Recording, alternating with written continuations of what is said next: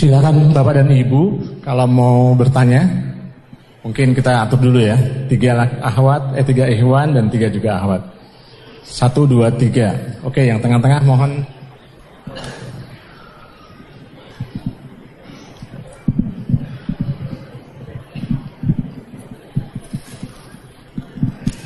Assalamualaikum warahmatullahi taala wabarakatuh. Assalamualaikum ya, Ustaz Irwandi, uh, perkenalkan saya nama Henry Pak. Baiklah Pak ya. Henry. Uh, ini Pak, Alhamdulillah, uh, Bismillah, akhirnya saya bisa langsung ketemu dengan Ustaz Irwandi kan selama ini saya ikut kajiannya via offline terus Ustaz.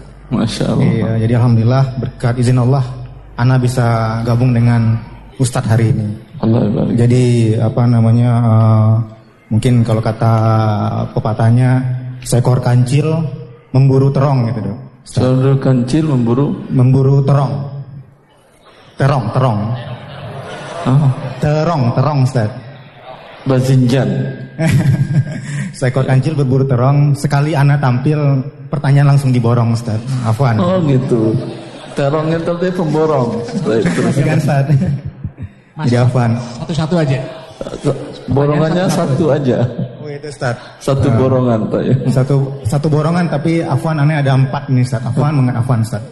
Karena uh, aneh juga sudah lihat beberapa kajian Ustaz di offline. Ada beberapa yang aneh belum dapatkan juga sudah mencoba membaca uh, buku karangan Ustaz Harta Haram Muamalat Kontemporer. Jadi Anda sudah uh, dari kemarin-kemarin Anda sudah sisipkan pertanyaan Ustaz Afwan. Betul. Uh, ada empat saat pertama itu perihal bank, kedua perihal per KPR rumah, pinjam meminjam. Sampai aja biar cepat borongannya tadi. Siap, Start. Siap, Start. Ini start. Yang pertama ini berkaitan dengan pekerjaan Ana start. Ana seorang dokter. Masya Allah. Nah, terus uh, kebetulan kita itu ada uh, kerjasama dengan perusahaan farmasi ya. dan kita juga dituntut untuk uh, mengupdate ilmu medis terus, start. Terus. Jadi kita itu ada namanya uh, support dari tim farmasi. Pertanyaan Ana itu itu pabrik farmasi. Iya. Jadi kita kerjasama dengan farmasi. Kerjasama anda dokter di klinik atau di rumah sakit? Di rumah sakit, Ustaz. Rumah sakit. Iya, Ustaz. Yang memberikan Anda biaya Su biaya support itu dari support. Uh, perusahaan farmasi. Bukan bukan rumah sakit. Bukan, karena kebetulan Anda di swasta, Ustaz, bukan di pemerintahan, Ustaz. Ah, Iya. Jadi yang jadi jadi biasanya kita itu dalam KPK pun juga ini bukan suatu gratifikasi kalau untuk sebuah kajian ilmiah gitu, atau untuk sebuah uh, acara ilmiah. Jadi misalnya ada seminar ke ke daerah-daerah atau ke luar negeri itu kita disupport sama konsekuensinya apa? Uh, kalau dari anak sendiri sih Stad, itu nggak ada Stad. Jadi karena kebetulan uh, kalau biasanya selama ini kan yang logika logisnya seorang dokter meresepkan obat tertentu untuk pasien gitu. Kalau anak kebetulan anak dokter spesialis tapi kebetulan ibaratnya ya obat yang anda pakai itu ya memang bermanfaat buat pasien jadi sebetulnya nggak ada konsekuensi apa apa gitu Ustaz. tes tes nah jadi pertanyaannya halal jadi yang kita support itu biasanya transportasi registrasi biaya ilmiah terus uh, hotel tiket gitu Ustaz. Baik. Jadi pertanyaannya halalkah atau haramkah gitu Ustaz. Baik, baik. Terus ini masalah ini Ustaz, uh, yang bang sebentar, bila tidak ada konsekuensi sama sekali Hukum asalnya boleh dan mubah. Boleh dan mubah, Ustaz. Alhamdulillah. Bila tidak ada konsekuensi sama sekali. Baik, Ustaz. Baik. Masalah bank, Ustaz. Anda juga ada lihat beberapa kajian offline antum. Anda sepakat uh, bunga itu nama lain dari nama halus dari riba itu, Ustaz. Dan Anda juga beberapa Anda ada beberapa rekening dan kebetulan Anda juga minta beberapa bank tersebut untuk menghapuskan boleh nggak dihapuskan bunganya per bulan gitu. Ada yang bisa tidak, ada yang tidak gitu, Ustaz yang tidak akhirnya anak tutup yang anak tutup dan ada juga yang karena itu payrollnya rumah sakit jadi anak nggak bisa tutup jadi sehingga anak kalin dengan cara begitu gaji masuk anak pindahkan pindah uang kan ke bank lain Ustaz. Kebetulan yang bisa itu anak sebut mereknya aja muamalat Ustaz. Jadi anak punya bank muamalat jadi e, rekening utamanya di bank muamalat. Jadi begitu dapat gaji dari bank lain yang itu masih ada ribanya, masih ada bunganya, itu langsung anak pindah uangkan ke muamalat. Karena di situ Anda sudah bikin sepakatan tidak ada riba di situ. Tidak ada bunga di situ. Tidak ada pertambahan. Iya, kira-kira bagaimana dengan uh, yang Anda lakukan ini Ustaz gitu. Anda tidak bisa merubah atau menutup bank yang menjadi payroll rumah sakit. Ya betul. Kalau memang tidak memungkinkan apa boleh buat. Akan tetapi anda kan rumah sakit swasta kan ya? Betul Ustaz. Ya. Kalau rumah sakit swasta lebih gampang daripada pegawai pemerintahan. Ya Ustaz. Cuman tinggal anda komporin beberapa teman 10 orang kaum muslimin di sana, Benar, ajukan ke bagian keuangan. Nah, bisa nggak nanti jadinya? Aneh udah dengar udah dengar ya, solusi Ustaz ini juga ya belum belum ketemu teman-teman yang yang bisa seperti itu Ustaz. Aneh ibaratnya masih ber- berjalan sendiri itu Ustaz. Ya? Iya. Jadi begitu Anda dapat eh, gajian di bank konvensional tersebut, hari itu langsung Boleh. pindah uangkan ke ini. boleh, boleh. Jadi ibaratnya ya sisa saldonya udah benar nggak boleh. apa lagi. Yang ketiga, yang ketiga. Baik, Ustaz. Adalah Masalah KPR rumah, Ustaz. KPR rumah. Iya, siap, Ustaz. Ini kebetulan Anda juga setuju KPR itu riba. Alhamdulillah Anda pernah eh, akhirnya dapat suatu perumahan syariah tanpa riba, tanpa sita bank, tanpa eh, tanpa bank, tanpa sita. Dan Masya alhamdulillah Anda itu cash bertahap. Eh, alhamdulillah waktu itu Anda rencanakan enam bulan selesai, ternyata empat bulan alhamdulillah dengan berkat. Allah selesai. Tapi kadarullah Ustaz, ya Anda diuji coba dengan beberapa teman-teman, ternyata perusahaan syariahnya peru- perusahaan properti syariah itu bodong Ustaz. Jadi eh, per 1 November kemarin kita akhirnya bawa masalah ini ke hukum, mungkin via majelis ini Anda juga sampaikan berhati-hatilah dengan orang yang menjual-jual syariah gitu Ustaz. Betul. Ya, jadi eh, akhirnya Anda ini Ustaz eh, terakhir dengar kajian an- Ustadz itu 21 Juli tahun ini itu berkaitan dengan KPR di Bank Syariah Eh, dan kebetulan Anda juga utamanya juga di muamalat. Setelah Anda nanya- tanya-tanya ternyata masih tetap walaupun muamalat eh, berlabel syariah begitu Anda lihat eh, rincian-rinciannya masih tetap belum syariah gitu Ustaz. Baik. Ya, jadi rencana Anda itu yang pertanyaan Anda Afwan, untuk spesialis apa? Anestesi Ustaz. Anestesi. Iya, dokter bius Ustaz. Orang. Bius itu bang betul. Jadi Ustaz, eh, pertama pertanyaan Ana, Ana sekarang itu untuk sebuah rumah ya, Alhamdulillah sampai saat ini Ana masih ngontrak Ustaz. Jadi ya sesuai di baju Ana lebih baik lebih berkah ngontrak daripada KPR riba itu Ustaz. betul betul. Jadi biarlah Ana ngontrak jangka panjang 5 tahun, 10 tahun asal eh, berkah itu Ustaz. Jadi tapi tetap punya keinginan untuk punya rumah Ustaz. Jadi pertama itu rencana Ana eh misal Ana punya pikiran pengen mencari rumah yang orangnya kepepet Ustaz. Gimana Ustaz? Misalnya dia tiba-tiba butuh uang gitu. Misalnya harga rumah di sini 2M tiba-tiba dia jual 1M. Nah, Ana lagi ngejar-ngejar itu kira-kira gimana? Boleh. Boleh Ustaz. Secepatnya Anda beli. iya, karena makin cepat terbantu kebutuhan dia kan Nah, gitu Ustaz. sedang butuh. Tapi Jangan tunggu-tunggu. apa nggak jatuh zolim Ustaz? Soalnya kan misalnya harga rumah tersebut Dia pasarnya kan dua- dia kan redo. Oh gitu Ustaz. Ya, dia berarti menghibahkan sebagian ke Anda asal dapat terbantu kebutuhannya secepatnya. Jangan tunggu-tunggu waktu lagi. Baik Ustaz. Allah barik fiik. Baik. Eh, terakhir Ustaz, Afwan Ustaz. Ini lima berarti. Catatan Anda sempat Ustaz. Nanti dibatasin saja. Ini mungkin yang ini- banyak nanti pertanyaan. enggak, ini pendek-pendek aja mungkin singkat aja. Pinjam meminjam Ustaz. Misalnya kita minjamkan eh, 10 juta ke seseorang saudara kita. Ya. Ya, kita ibaratnya daripada dia minjam ke bank ke kita aja gitu. Ya. Tapi begitu dia selesai meminjam 10 juta, tiba-tiba ada rasa terima kasih baik berupa uang lagi kelebihan atau berupa barang kalau misalnya eh, Di awal tidak disyaratkan, tidak disyaratkan boleh. boleh Ustaz. Rasulullah seperti ini. Eh, Jabir mengatakan faqadani wa zadani. Rasulullah SAW membeli unta Jabir dengan tidak tunai, ya berarti boleh berhutang kepada Jabir. Ah, kemudian beliau bertemu dengan Jabir di masjid, kemudian Rasulullah membayar dan beliau lebihkan. Boleh. Allah barik. Dengan Alhamdulillah. syarat tidak disyaratkan di awal. Baik Ustaz. Baik. Alhamdulillah. Makasih Ustaz. Allah barik fiik. Cukup Ustaz. Allah Jazakallah khair. Tolong coba. eh, mungkin kita diatur ya pertanyaannya. Jadi jangan sampai satu orang bertanya sampai lima pertanyaan. Biar semuanya kebagian gitu mas. Afwan, ya. afwan panitia karena mumpung kesempatan Ya, ya. makanya. Insya Allah ada kesempatan semuanya. Izin atas izin Allah. Mungkin ntar dulu mas. Ahwat dulu. Karena ada urusan dari Ahwat dari atas. Ma, agak maju aja. Tolong Ahwat yang mau. Ya silakan silakan. Ma- Maju ke Yang- depan aja. Maju, maju. Sebentar Pak. Mic-nya di mana? Di atas. Silahkan. Di bawah nggak ada mic tuh akhwat. Yang mau tanya tolong siap-siap agak maju. Bismillah. Bentar Pak. Ya tolong awat yang ada di atas silakan langsung tanya. Assalamualaikum warahmatullahi wabarakatuh. Assalamualaikum warahmatullahi wabarakatuh. Eh, saya dari Cikarang Baru, Ustadz. Perkenalkan, Alhamdulillah bisa bertanya langsung ke Ustadz Erwandi. Masya Allah silahkan ibu. Eh, pertanyaan saya ada dua aja sih. Yang pertama, Satu aja ya, jangan banyak-banyak dulu. Kita batasin satu-satu aja dulu. eh, jadi masalah GoFood atau GrabFood itu di saya banyak baca artikel itu kan GrabFood dan GoFood itu kan eh, haram ya.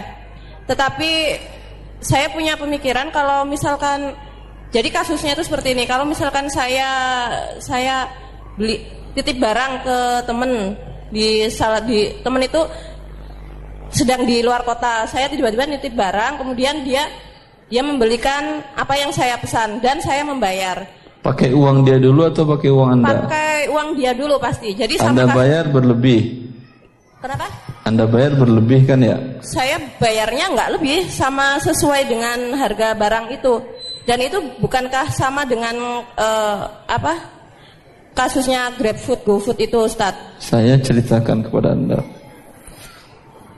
MOU antara merchant dengan pihak Gojek. Ada di antara Anda yang punya merchant yang berhubungan dengan ada MOU dengan Gojek. Di pasal 2 ayat 3 dinyatakan bahwasanya pihak merchant tidak boleh memberikan nota yang sebenarnya harga yang disepakati antara merchant dengan pihak Gojek yang nanti dijelaskan di pasal 3 ayat 1. Bunyinya begini. Bahwasanya pihak Gojek mendapatkan fee sebanyak 15%. Itu dulu. Sekarang MOU yang terbaru fee 20% dari harga yang sesungguhnya. Baik.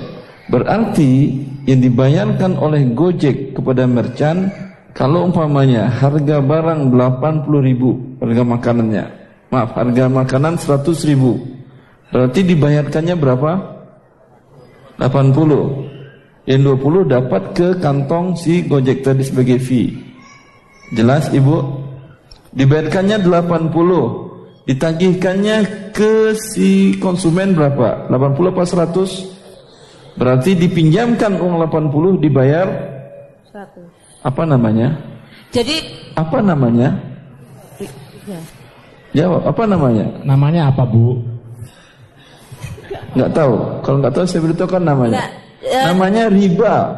Ya, Pinjam uang 80 ribu, bayar 100 ribu. Riba atau bukan? ya riba. Riba. Terus apa lagi? Nah, tapi kemarin saya sudah membahas dengan teman juga sebelum saya bertanya ke Ustadz ini. Ternyata di Gojek dan GrabFood itu kalau misalkan kita beli, eh, misalkan jangan sebut merek pizza ya Ustadz. Apa? Pizza, misal. Pizza. Terus. Eh, dan si orang si driver Gojek ini grup GoFood ini dia memberikan nota yang sebenarnya ke konsumen gitu. Jadi kita hanya membayar eh, sesuai dengan jasa dia mengirimkannya saja dari alamat pizza tersebut ke rumah kita gitu Ustadz. Ibu kan bahas dengan teman ibu. Saya MOU yang saya dapatin. Ya kalau misalkan kasusnya seperti itu berarti jadinya nggak salah nggak atau gimana? Terserah Anda. Paham saya maksud? Dia punya kasus yang dia tahu. Tapi yang saya tahu dulu juga begitu.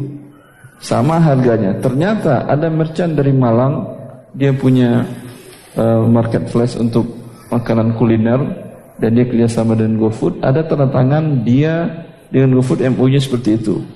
Beberapa waktu yang lalu juga ada salah satu pengusaha uh, ayam goreng di Pondok Gede juga membawa MOU yang sama ke hadapan saya. Sekarang 20%, 20% disinta oleh Ustaz. Karena mereka ditawarin oleh Gojek untuk kerjasama. Karena fried chicken, fried chicken yang termasuk laris, Gojek mendekati mereka dengan membuat MOU itu. Dibawanya MOU-nya kepada saya sebelum mereka setujui. Saya katakan jangan setujui ini ada riba. Ya. Cukup. Itu urusan Anda dengan teman Anda. Urusan saya sudah selesai. Saya katakan riba. Ya, oke Ustaz, terima kasih. Uh, untuk Kecuali yang... Anda beri Anda pesan melalui GoFood tadi, melalui Gojek, merchant yang tidak ada, makanan yang tidak ada di fitur dia. Itu betul, dia tidak dapat fee. Karena tidak ada MOU. Paham? Hmm, yeah. Umpamanya ada sate padang A, umpamanya. Tidak pernah dia ada MOU dengan pihak Gojek. Itu betul. Berapa harganya? Nggak mungkin si pihak toko sate padang ini ngasih fee ke dia. Ya atau tidak? Yeah, yeah. Atau rujak yang biasa pinggir jalan. Nggak mungkin dia ngasih fee. Jelas? Ya. Ustaz, nah, ini uh, boleh kalau itu yang Anda beli. Yeah. Tapi biasanya mereka tidak mau berada produk yang sama di fitur. Ya atau tidak? Produk sate padang ada di fitur mereka yang kerjasama dengan mereka. Anda minta sate padang yang dekat rumah Anda, mau nggak mereka layanin? Nggak boleh. Aturannya mereka tidak boleh. Jadi dari awal memang mereka diikat dengan riba tadi. Oh, ya. Baik Ustaz.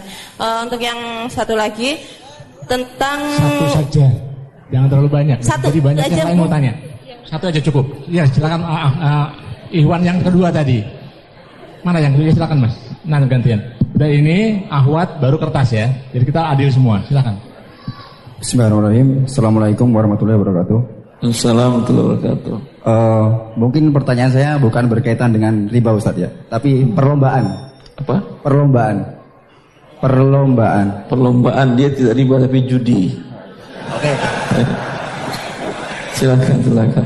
Uh, jadi gini, misalkan kita mengikuti lomba memanah. Ah, Cuman dipersyaratkan ada pendaftaran. Tapi dikasih keterangan uh, hadiah berasal dari sponsor.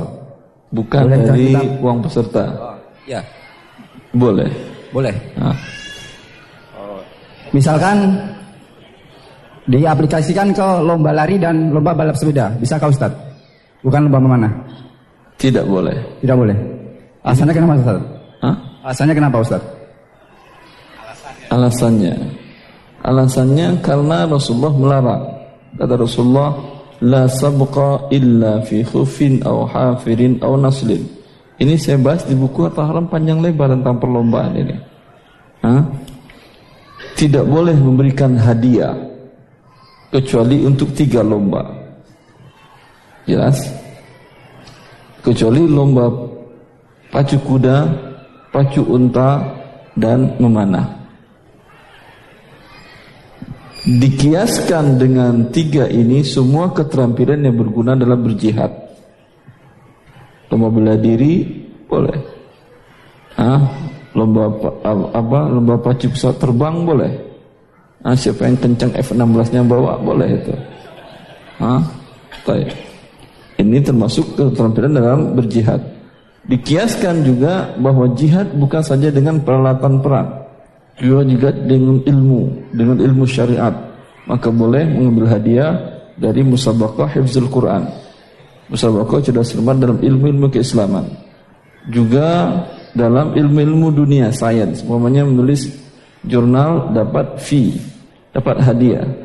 Atau ikut lomba penelitian ilmiah dapat hadiah. Ini boleh. Jelas? Pacu hikmahnya seluruh yang berguna untuk keterampilan berperang tadi dibolehkan. Hikmahnya apa ini? Ibn Qayyim menjelaskan dalam kitabnya Al-Furusiyah bahwa bermainnya boleh. Anda main bola, main futsal, main badminton, main apa lagi? Hah? Main voli, ya mubah boleh bila tidak ada melanggar syariat-syariat Allah azza wajalla di situ ya tapi tidak boleh bila ada hadiah walaupun dari pihak ketiga sponsor. Walaupun tidak ada uang keikutsertaan kenapa tidak boleh? Kenapa dilarang? Kata Ibn Qayyim sesuatu yang mubah. Bila diberikan hadiah dia berubah bukan sebagai lagi sebagai sebuah suatu dinamakan istijmam. Bukan sebagai untuk apa namanya uh, refreshing saja, tapi dia berubah menjadi tujuan. Dan ini terjadi sekarang. Sesuatu yang mubah tadi ketika mendapat hadiah, mendapat fee yang besar, berubah jadi tujuan hidup dia. Ketika menjadi tujuan hidup, maka rusak dunia. Tatanan dunia, baik dunia muslim maupun dunia kafir. Dunia tatanan manusia menjadi rusak. Karena syariat Allah bukan untuk muslim saja, untuk manusia seluruhnya. Coba lihat sekarang Anda. Hah? Lebih banyak mana orang bersemangat untuk menjadi pemain, pemain bola daripada profesor? Pemain bola. Tuh. Kaya raya, punya uang banyak, bantu ibumu, naik haji, main-main yang banyak. Ya atau tidak? Baik, cukup. Uh, berarti lari tidak bisa dikiaskan dengan berjihad ya Ustaz ya? Tidak. Tidak bisa. Oh, oke, okay, terima kasih.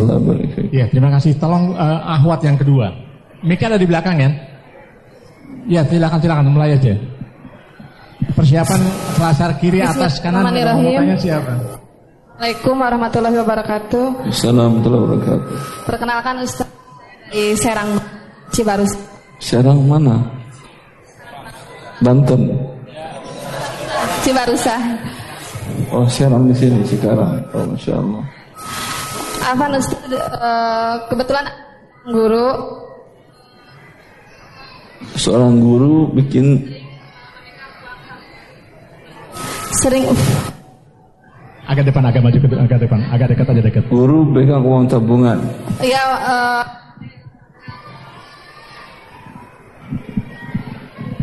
megang tabungan murid-murid ya. Kebetulan di sekolah lalu dan, uang tabungan digunakan untuk bisnis modal usaha. Uh, tidak tidak seperti itu Ustaz. Tidak. dan di lingkungan juga kan anak guru TPA alhamdulillah di lingkungan juga anak dipercaya uh, inisiatif masyarakat untuk memegang uang tabungan persiapan nanti untuk lebaran.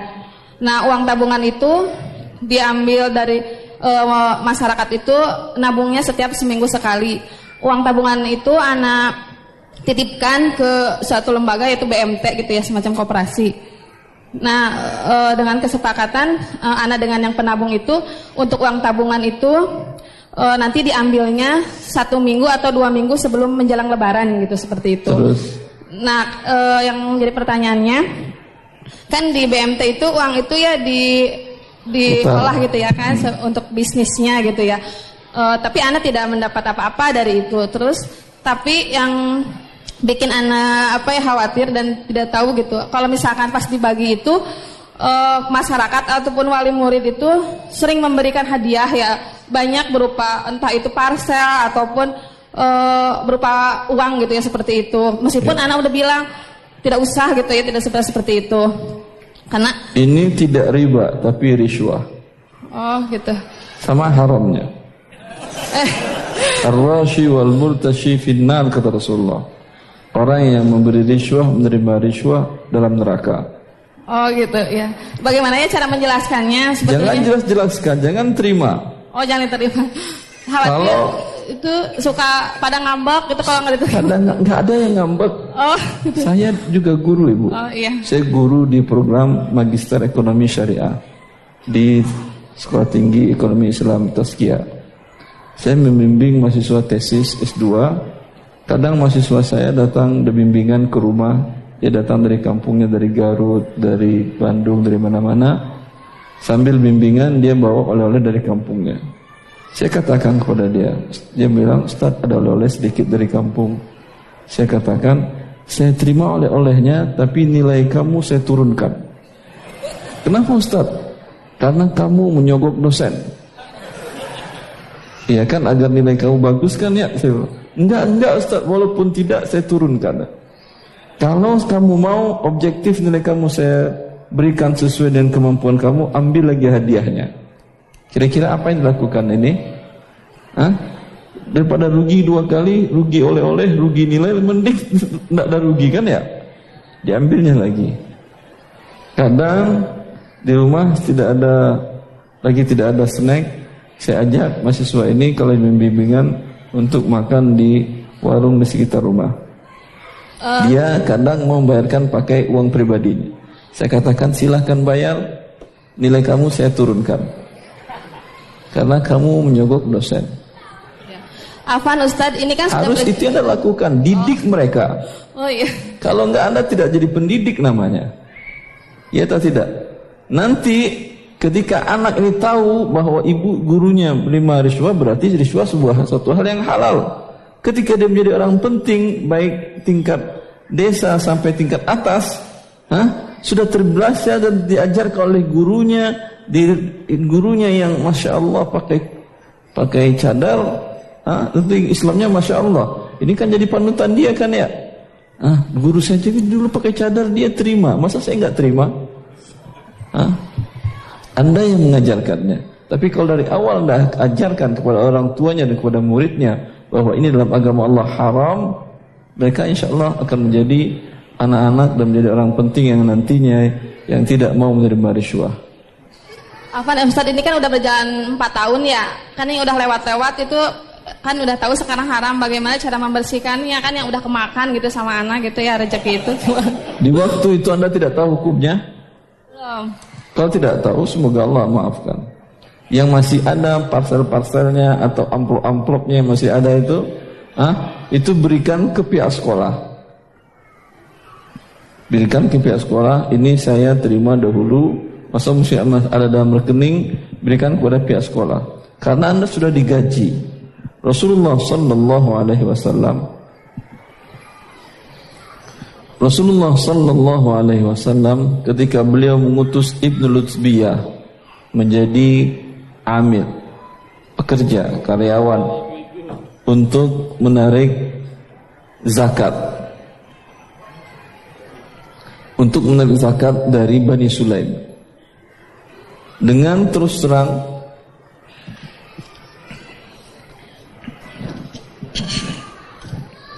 Beliau datang kepada Rasulullah sallallahu alaihi wasallam menyatakan, "Ya Rasulullah, hadza lakum wa hadza ma uhdiya ilayya."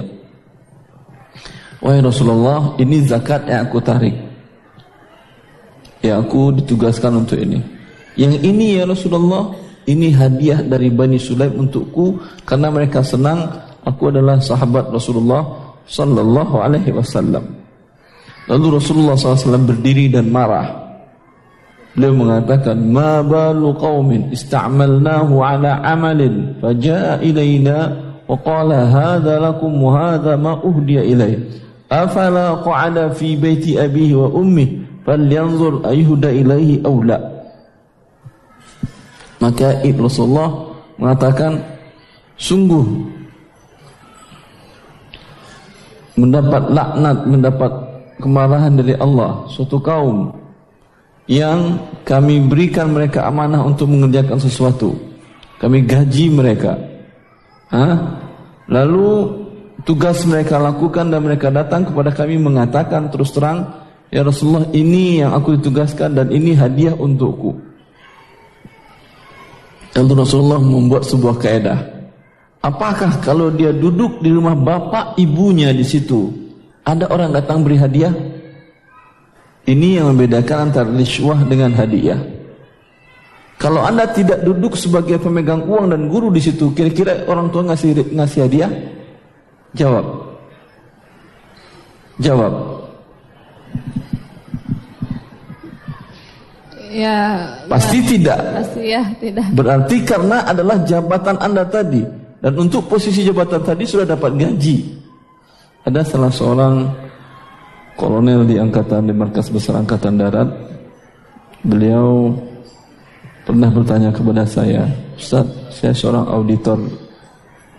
Ya terkadang saya ditugaskan dari markas mabes angkatan darat untuk mengaudit keuangan di daerah-daerah saya dari kantor dari markas besar sudah dapat biaya perjalanan dan seluruhnya. Tapi terkadang yang saya audit itu banyak teman-teman angkatan saya di akademi militer dahulu. Yang kepala dan remnya, ya, kepala kodimnya banyak teman-teman saya dahulu atau ada kelas saya. Biasanya Ustaz, mereka ngasih saya hadiah Ustaz. Saya audit dengan secara profesional, Tapi biasanya mereka ngasih hadiah oleh-oleh sebelum saya pulang, ya. Kadang ada badan tiket pesawat, kadang ada oleh-oleh, kadang macam-macam Ustaz. Bolehkah saya terima Ustaz? Saya katakan, kalau Anda datang ya bukan bawa surat tugas sebagai auditor. Kira-kira mereka ngasih oleh-oleh sebanyak itu atau tidak? Ya jawab tidak Ustaz. Ya paling kalau pertemanan paling di, sudah di rumah gitu kan ya. Paling ada makan di rumah silahkan makan paling begitu. Tapi sampai pelayanan seperti itu tidak Ustaz. Berarti ini adalah bukan karena pertemanan. Ini adalah karena jabatan Anda dan jabatan Anda sudah mendapatkan gaji untuk itu maka haram ini tidak terima. Itu perbedaannya. Itu perbedaannya. Dan ini subhanallah bukan hanya guru saja, hanya dosen saja. Banyak. Ya, bahkan terkadang karyawan di tempat cuci motor, cuci mobil, ah, atau tukang parkiran biar dia melayani Anda melebihi yang lainnya, sering Anda kasih tips. Ya atau tidak? Ini bagian dari niswah. Pemberinya Anda pemberinya dan dia penerima dua-duanya masuk neraka. Karena ini yang merusak. Ini akan merusak tatanan hidup. Buktinya ya atau tidak? Mengurus KTP, mengurus ID yang harusnya gampang, jadi susah atau tidak? Apa penyebabnya? Riswah ini penyebabnya. Saya ingat dulu di Arab Saudi saya ada masalah dengan imigrasi. Biasanya yang datang ke imigrasi harus pihak kampus. Tapi pihak kampus mengatakan Erwandi kata dia, kalau kamu ingin cepat urusannya, saya butuh paspor cepat waktu itu. Kalau kamu ingin cepat urusannya, sebaiknya kamu sendiri yang datang. Kalau kami datang biasanya lama, butuh waktu seminggu, dua minggu. Tapi kalau kamu mungkin bisa sehari. Saya bawa paspor sendiri ke imigrasi di Arab Saudi, masuk antrian biasa, ya, masuk antrian biasa, dan waktu setengah jam selesai urusan saya. Di situ malah yang cepat yang langsung. Kalau yang nggak langsung menggunakan biro jasa malah lebih lama. Ya, karena mereka riswah merupakan kejahatan besar kalau di sana. Yang di sana yang akan dihukum bukan yang penerima saja, pemberi pun akan dipenjara. Maka berhati-hati Anda kalau umroh atau haji atau kerja di sana, bila ada pelanggar peraturan, jangan coba-coba berikan apa namanya uang damai ke polisi di sana dia akan tuliskan pelanggaran liswah. Kalau pelanggaran liswah, Anda akan dibawa ke mahkamah, dibawa ke pengadilan, disidang, dan akan dipenjara dan dikenakan denda negara. Negara memberikan denda dan si aparat ini mendapat reward dari negara karena membongkar kejahatan pemberi liswah. Maka sering polisi itu menawarkan ajak-ajak damai. Kalau anda coba-coba ngasih, anda yang malah bayarnya bisa ribuan real. Kalau Anda tadi melanggar paling 300 real paling mahal. Paling mahal lagi adalah lampu merah ditab, di, di, ditabrak itu paling 900 real. Paling mahal. Tapi kalau melanggar riswah tadi memberikan sogok atau uang damai ke polisi itu bisa minimal 3000 real. 3000 real dan Anda harus ke mahkamah dan menjadi masuk daftar blacklist. Ah, mau baik mana? Mau baik yang resmi atau yang riswah? Baik. Oke, mungkin uh, sekarang mungkin kita Jazakumullah Ustaz. Allah Ibu. Ya. Karena kertas sudah numpuk di atas meja Ustaz. Allah. Dan mungkin. kenapa di Indonesia ini menjadi budaya? Karena mulai dari sekolah tadi. Silakan Bapak dan Ibu kalau mau bertanya. Mungkin kita atur dulu ya. Tiga ahwat, eh tiga ikhwan dan tiga juga ahwat. Satu, dua, tiga. Oke, yang tengah-tengah mohon.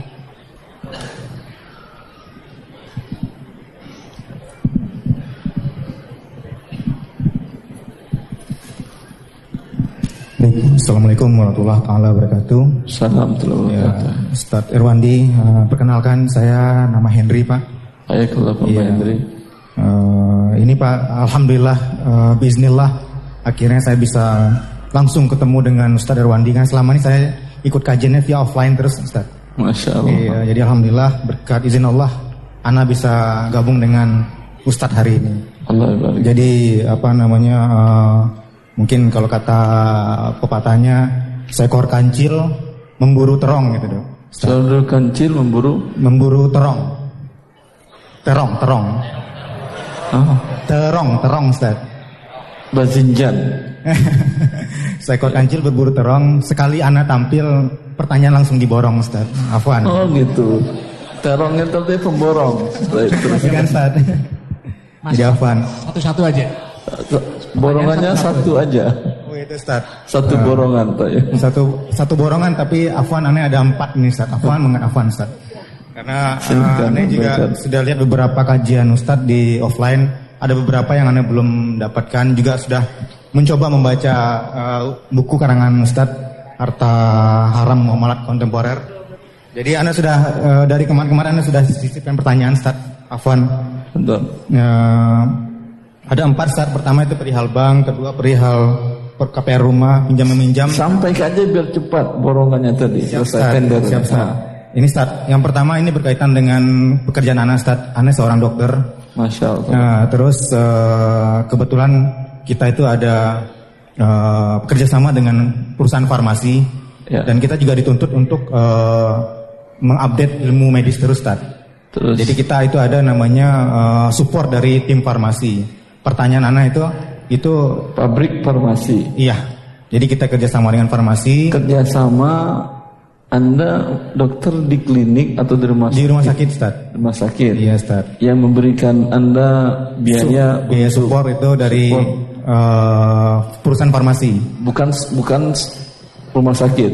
Bukan, karena kebetulan anak di swasta, Ustaz, bukan di pemerintahan, Ustaz. Ah. Iya. Jadi yang jadi jadi biasanya kita itu dalam KPK pun juga ini bukan suatu gratifikasi kalau untuk sebuah kajian ilmiah gitu atau untuk sebuah eh, acara ilmiah. Jadi misalnya ada seminar ke ke daerah-daerah atau ke luar negeri itu kita disupport sama Konsekuensinya apa?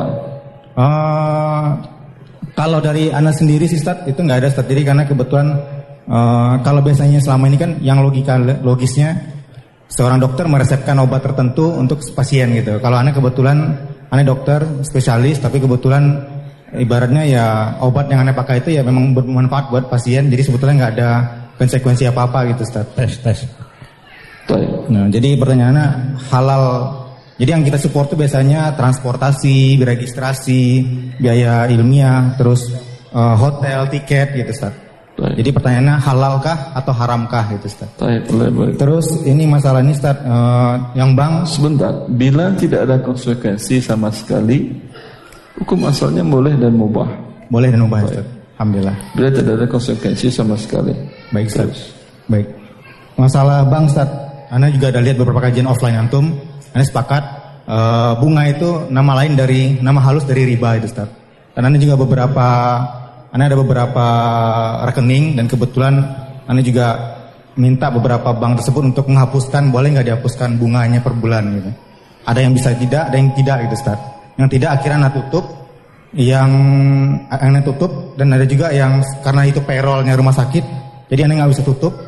Jadi sehingga Anda kalin dengan cara begitu gaji masuk, Anda pindahkan pindah uangkan ke bank lain Ustaz. Kebetulan yang bisa itu Anda sebut mereknya aja muamalat Ustaz.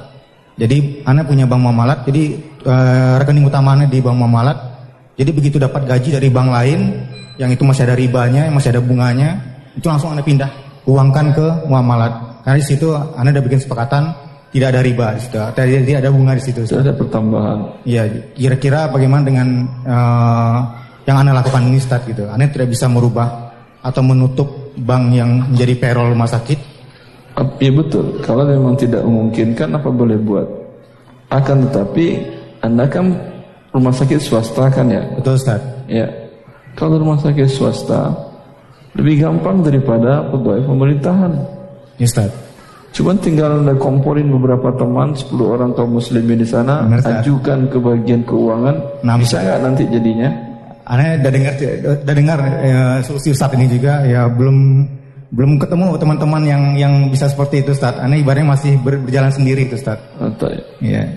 Jadi begitu Anda dapat eh, gajian di bank konvensional tersebut, hari itu langsung anak Boleh. pindah uangkan ke Boleh, boleh. Insya- Jadi ibaratnya ya sisa saldonya nggak Boleh. apa-apa lagi. Yang ketiga, yang ketiga. Baik, Ustaz. Fadal.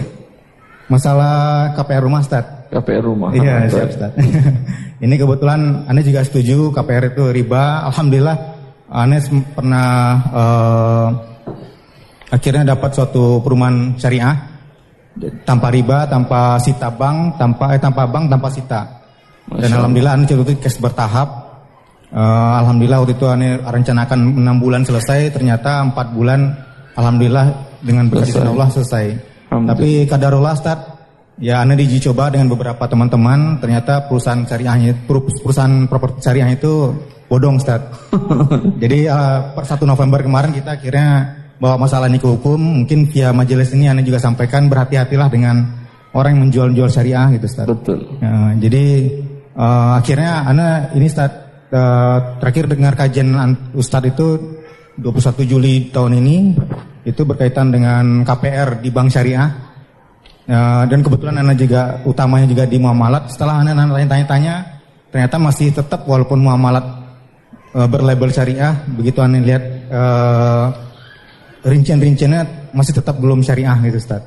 Baik. Ya, jadi rencana Anda itu yang pertanyaan Anda Afwan, untuk spesialis apa? Anestesi Ustaz. Anestesi. Iya, dokter bius Ustaz kan orang. Bius itu bang betul. Jadi Ustaz, eh, pertama pertanyaan Ana, Ana sekarang itu untuk sebuah rumah ya, alhamdulillah sampai saat ini Ana masih ngontrak Ustaz.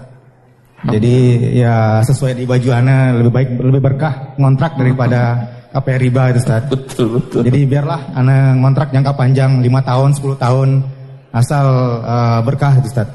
Jadi tapi tetap punya keinginan untuk punya rumah Ustaz. Jadi pertama itu rencana Ana eh misal Ana punya pikiran pengen mencari rumah yang orangnya kepepet Ustaz. Gimana Ustaz? Misalnya dia tiba-tiba butuh uang gitu. Misalnya harga rumah di sini 2M tiba-tiba dia jual 1M. Nah, Ana lagi ngejar-ngejar itu kira-kira gimana? Boleh. Boleh Ustaz. Secepatnya Anda beli. iya, karena makin cepat terbantu kebutuhan dia kan Nah gitu Ustaz. sedang butuh. Tapi Jangan tunggu-tunggu. apa nggak jatuh zolim Ustaz? Soalnya kan misalnya harga rumah tersebut Dia pasarnya kan dua- dia kan redo. Oh gitu Ustaz. Ya, dia berarti menghibahkan sebagian ke Anda asal dapat terbantu kebutuhannya secepatnya. Jangan tunggu-tunggu waktu lagi. Baik Ustaz. Allah barik fiik. Baik. Eh, terakhir Ustaz, Afwan Ustaz. Ini lima berarti.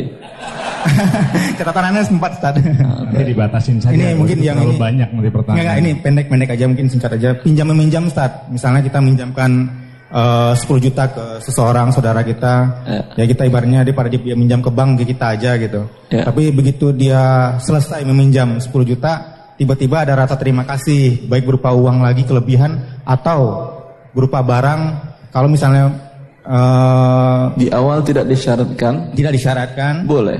boleh Ustaz. Rasulullah seperti ini. Eh, Jabir mengatakan faqadani wa zadani. Rasulullah SAW membeli unta Jabir dengan tidak tunai, ya berarti boleh berhutang kepada Jabir. Ah, kemudian beliau bertemu dengan Jabir di masjid, kemudian Rasulullah membayar dan beliau lebihkan. Boleh. Allah barik. Dengan Alhamdulillah. syarat tidak disyaratkan di awal. Baik Ustaz. Baik. Alhamdulillah. Makasih Ustaz. Allah fiik. Cukup Ustaz. Allah Jazakallah khair. Tolong coba eh, mungkin kita diatur ya pertanyaannya. Jadi jangan sampai satu orang bertanya sampai lima pertanyaan.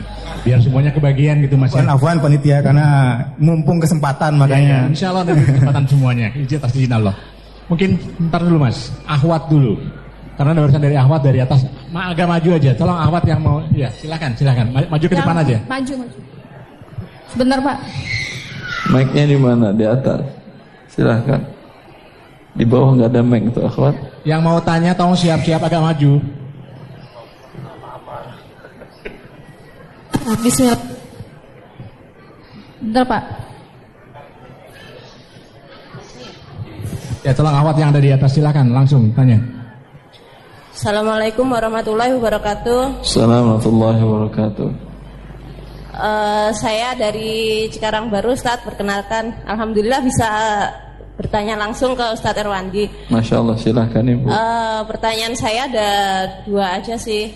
Yang pertama, Satu aja ya, jangan banyak-banyak dulu. Kita batasin satu-satu aja dulu. Uh, jadi masalah GoFood atau GrabFood itu di saya banyak baca artikel itu kan GrabFood dan GoFood itu kan uh, haram ya.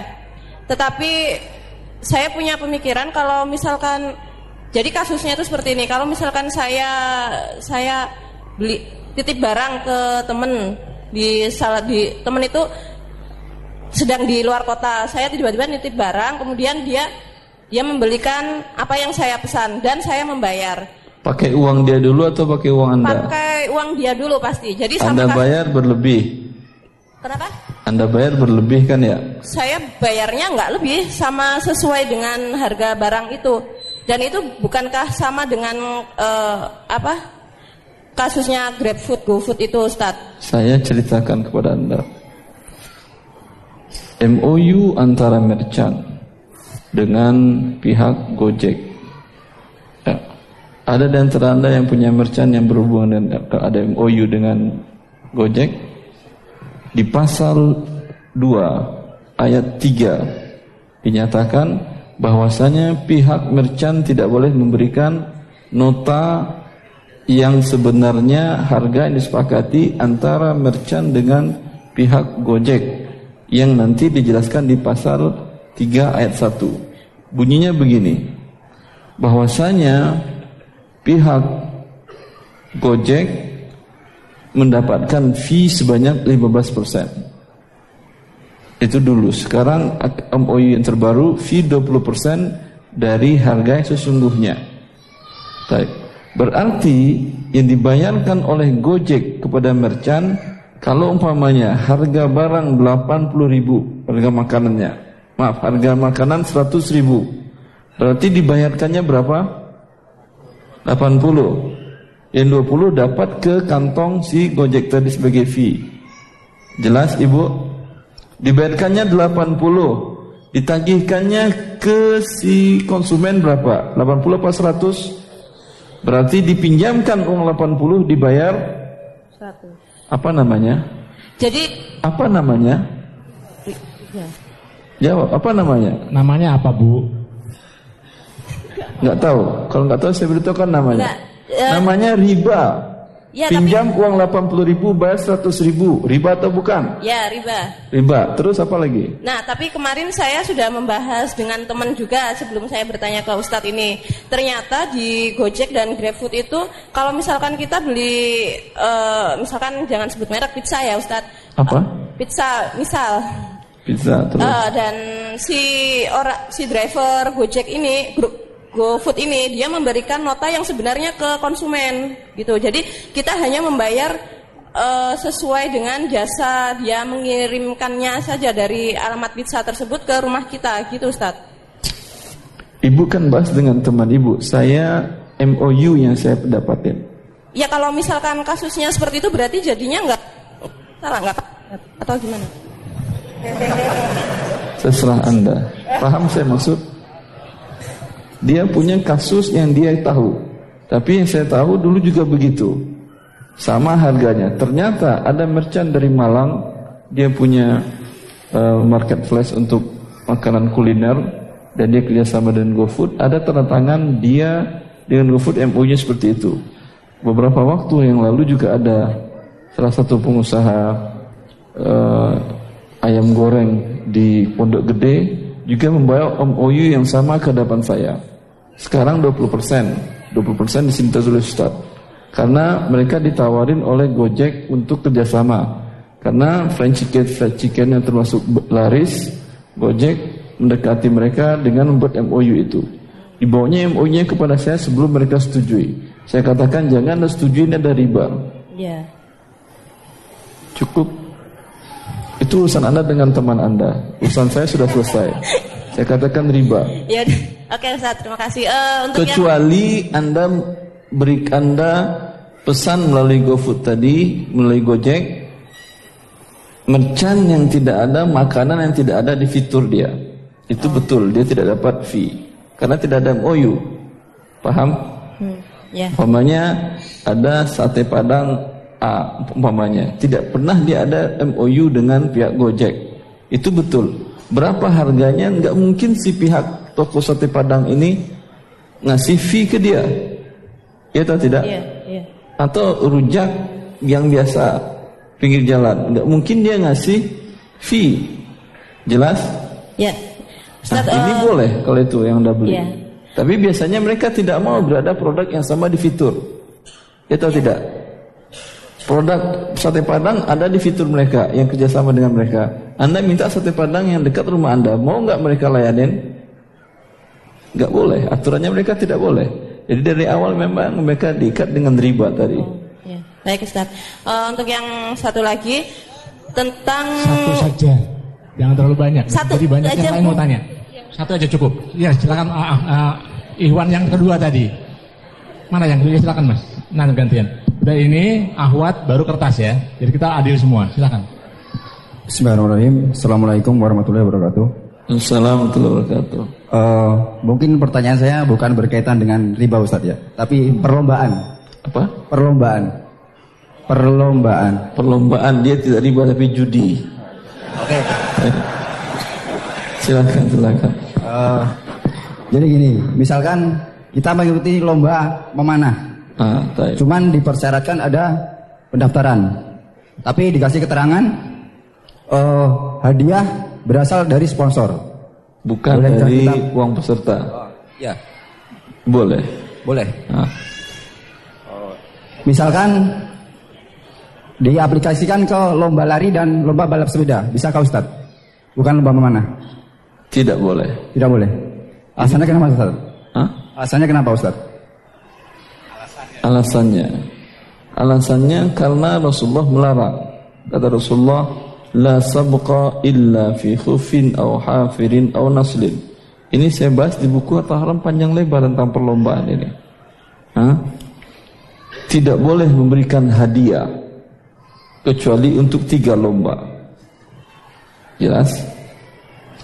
Kecuali lomba pacu kuda, pacu unta, dan memanah dikiaskan dengan tiga ini semua keterampilan yang berguna dalam berjihad. Lomba bela diri boleh. Ah, lomba apa, apa lomba pacu pesawat terbang boleh. Ah, siapa yang kencang F16-nya bawa boleh itu. Ah. Ini termasuk keterampilan dalam berjihad. Dikiaskan juga bahwa jihad bukan saja dengan peralatan perang, juga dengan ilmu, dengan ilmu syariat. Maka boleh mengambil hadiah dari musabaqah hifzul Quran. Musabaqah cerdas cermat dalam ilmu-ilmu keislaman. Juga dalam ilmu-ilmu dunia, sains. Umpamanya menulis jurnal dapat fee, dapat hadiah. Atau ikut lomba penelitian ilmiah dapat hadiah. Ini boleh. Jelas? Pacu hikmahnya seluruh yang berguna untuk keterampilan berperang tadi dibolehkan. Hikmahnya apa ini? Ibn Qayyim menjelaskan dalam kitabnya Al-Furusiyah bahwa bermainnya boleh. Anda main bola, main futsal, main badminton, main apa lagi? Hah? Main voli, ya mubah, boleh bila tidak ada melanggar syariat-syariat Allah Azza wa Jalla di situ. Ya. Tapi tidak boleh bila ada hadiah walaupun dari pihak ketiga sponsor. Walaupun tidak ada uang keikutsertaan. Kenapa tidak boleh? Kenapa dilarang? Kata Ibn Qayyim, sesuatu yang mubah bila diberikan hadiah, dia berubah bukan sebagai lagi sebagai sebuah suatu dinamakan istijmam, bukan sebagai untuk apa namanya uh, refreshing saja, tapi dia berubah menjadi tujuan. Dan ini terjadi sekarang. Sesuatu yang mubah tadi ketika mendapat hadiah, mendapat fee yang besar, berubah jadi tujuan hidup dia. Ketika menjadi tujuan hidup, maka rusak dunia. Tatanan dunia, baik dunia muslim maupun dunia kafir. Dunia tatanan manusia menjadi rusak. Karena syariat Allah bukan untuk muslim saja, untuk manusia seluruhnya. Coba lihat sekarang Anda. Hah? Lebih banyak mana orang bersemangat untuk menjadi pemain, pemain bola daripada profesor? Pemain bola. Tuh. Kaya raya, punya uang banyak, bantu ibumu, naik haji, main-main yang banyak. Ya atau tidak? Baik, cukup. Uh, berarti lari tidak bisa dikiaskan dengan berjihad ya Ustaz ya? Tidak. Tidak bisa. Oh, oke, okay, terima kasih. Ya, terima kasih. Tolong uh, ahwat yang kedua. Mika ada di belakang ya? Ya, silakan silakan mulai aja. Persiapan selasar kiri atas kanan. Mau tanya siapa? Assalamualaikum warahmatullahi wabarakatuh. Assalamualaikum warahmatullahi wabarakatuh. Perkenalkan Ustaz di Serang Cibarus. Serang mana? Banten. Cibarusa. Oh, Serang di sini sekarang. Oh, masya Allah. Afan Ustaz, uh, kebetulan guru. Seorang guru bikin sering agak depan agak maju ke agak depan agak dekat aja dekat. guru pegang uang tabungan. Iya uh,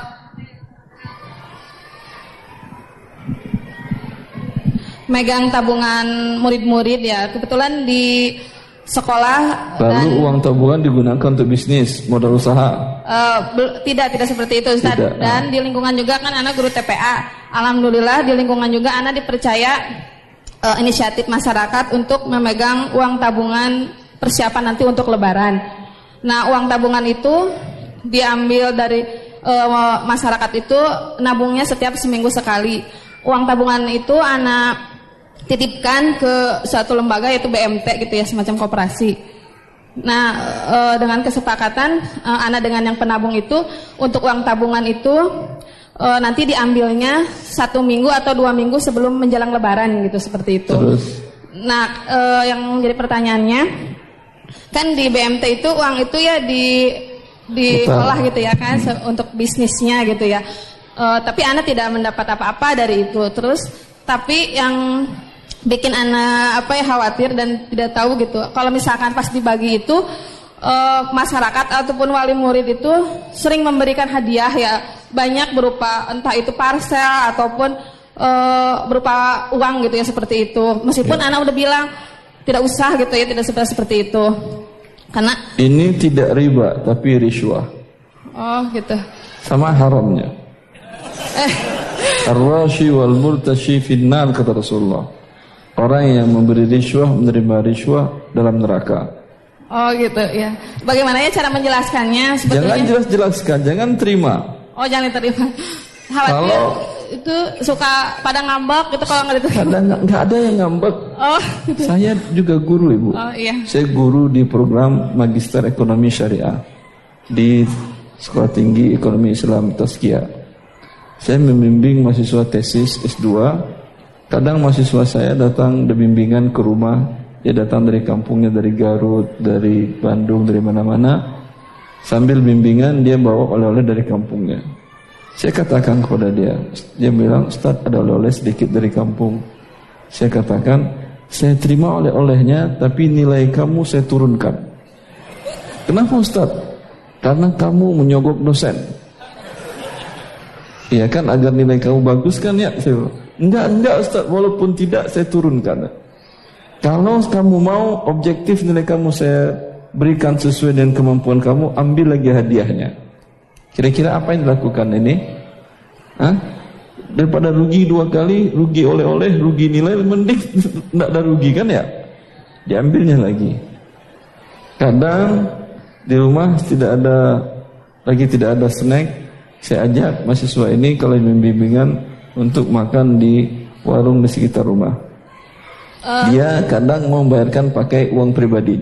Saya katakan silahkan bayar, nilai kamu saya turunkan karena kamu menyogok dosen. Ya. Afan Ustadz ini kan harus itu yang anda lakukan didik oh. mereka. Oh iya. Kalau enggak anda tidak jadi pendidik namanya. Ya atau tidak?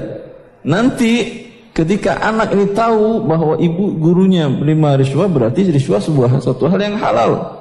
Ketika dia menjadi orang penting baik tingkat desa sampai tingkat atas, huh, sudah terbiasa dan diajarkan oleh gurunya di gurunya yang masya Allah pakai pakai cadar, itu Islamnya masya Allah. Ini kan jadi panutan dia kan ya. Guru saya jadi dulu pakai cadar dia terima, masa saya nggak terima? Anda yang mengajarkannya. Tapi kalau dari awal Anda ajarkan kepada orang tuanya dan kepada muridnya bahwa ini dalam agama Allah haram, mereka insya Allah akan menjadi anak-anak dan menjadi orang penting yang nantinya yang tidak mau menerima riswah. Afan Ustadz ini kan udah berjalan 4 tahun ya, kan yang udah lewat-lewat itu kan udah tahu sekarang haram bagaimana cara membersihkannya kan yang udah kemakan gitu sama anak gitu ya rezeki itu. Di waktu itu Anda tidak tahu hukumnya? Belum. Kalau tidak tahu semoga Allah maafkan. Yang masih ada parcel-parcelnya atau amplop-amplopnya yang masih ada itu, ah, itu berikan ke pihak sekolah. Berikan ke pihak sekolah, ini saya terima dahulu, masa mesti ada dalam rekening, berikan kepada pihak sekolah. Karena Anda sudah digaji. Rasulullah sallallahu alaihi wasallam Rasulullah sallallahu alaihi wasallam ketika beliau mengutus Ibnu Lutsbiyah menjadi amil pekerja karyawan untuk menarik zakat. Untuk menarik zakat dari Bani Sulaim. Dengan terus terang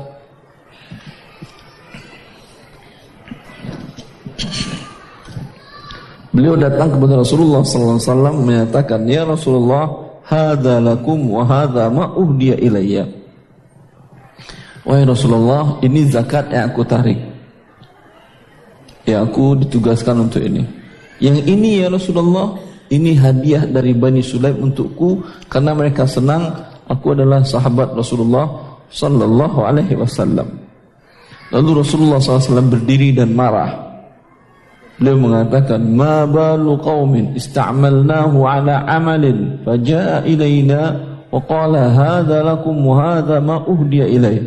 Afala qa'ada fi baiti abihi wa ummi falyanzur ayuhda ilaihi aw la." Maka Ibnu Rasulullah mengatakan, sungguh mendapat laknat, mendapat kemarahan dari Allah suatu kaum yang kami berikan mereka amanah untuk mengerjakan sesuatu. Kami gaji mereka. Hah? Lalu tugas mereka lakukan dan mereka datang kepada kami mengatakan terus terang, Ya Rasulullah ini yang aku ditugaskan dan ini hadiah untukku. Lalu Rasulullah membuat sebuah kaedah. Apakah kalau dia duduk di rumah bapak ibunya di situ, ada orang datang beri hadiah? Ini yang membedakan antara riswah dengan hadiah. Kalau anda tidak duduk sebagai pemegang uang dan guru di situ, kira-kira orang tua ngasih ngasih hadiah? Jawab. Jawab. Ya. Pasti ya, tidak. Pasti ya, tidak. Berarti karena adalah jabatan anda tadi dan untuk posisi jabatan tadi sudah dapat gaji. Ada salah seorang kolonel di angkatan di markas besar angkatan darat beliau pernah bertanya kepada saya Ustaz saya seorang auditor. Ya terkadang saya ditugaskan dari markas mabes angkatan darat untuk mengaudit keuangan di daerah-daerah saya dari kantor dari markas besar sudah dapat biaya perjalanan dan seluruhnya. Tapi terkadang yang saya audit itu banyak teman-teman angkatan saya di akademi militer dahulu. Yang kepala dan remnya, ya, kepala kodimnya banyak teman-teman saya dahulu atau ada kelas saya. Biasanya Ustaz, mereka ngasih saya hadiah Ustaz. Saya audit dengan secara profesional, tapi biasanya mereka ngasih hadiah oleh-oleh sebelum saya pulang, ya.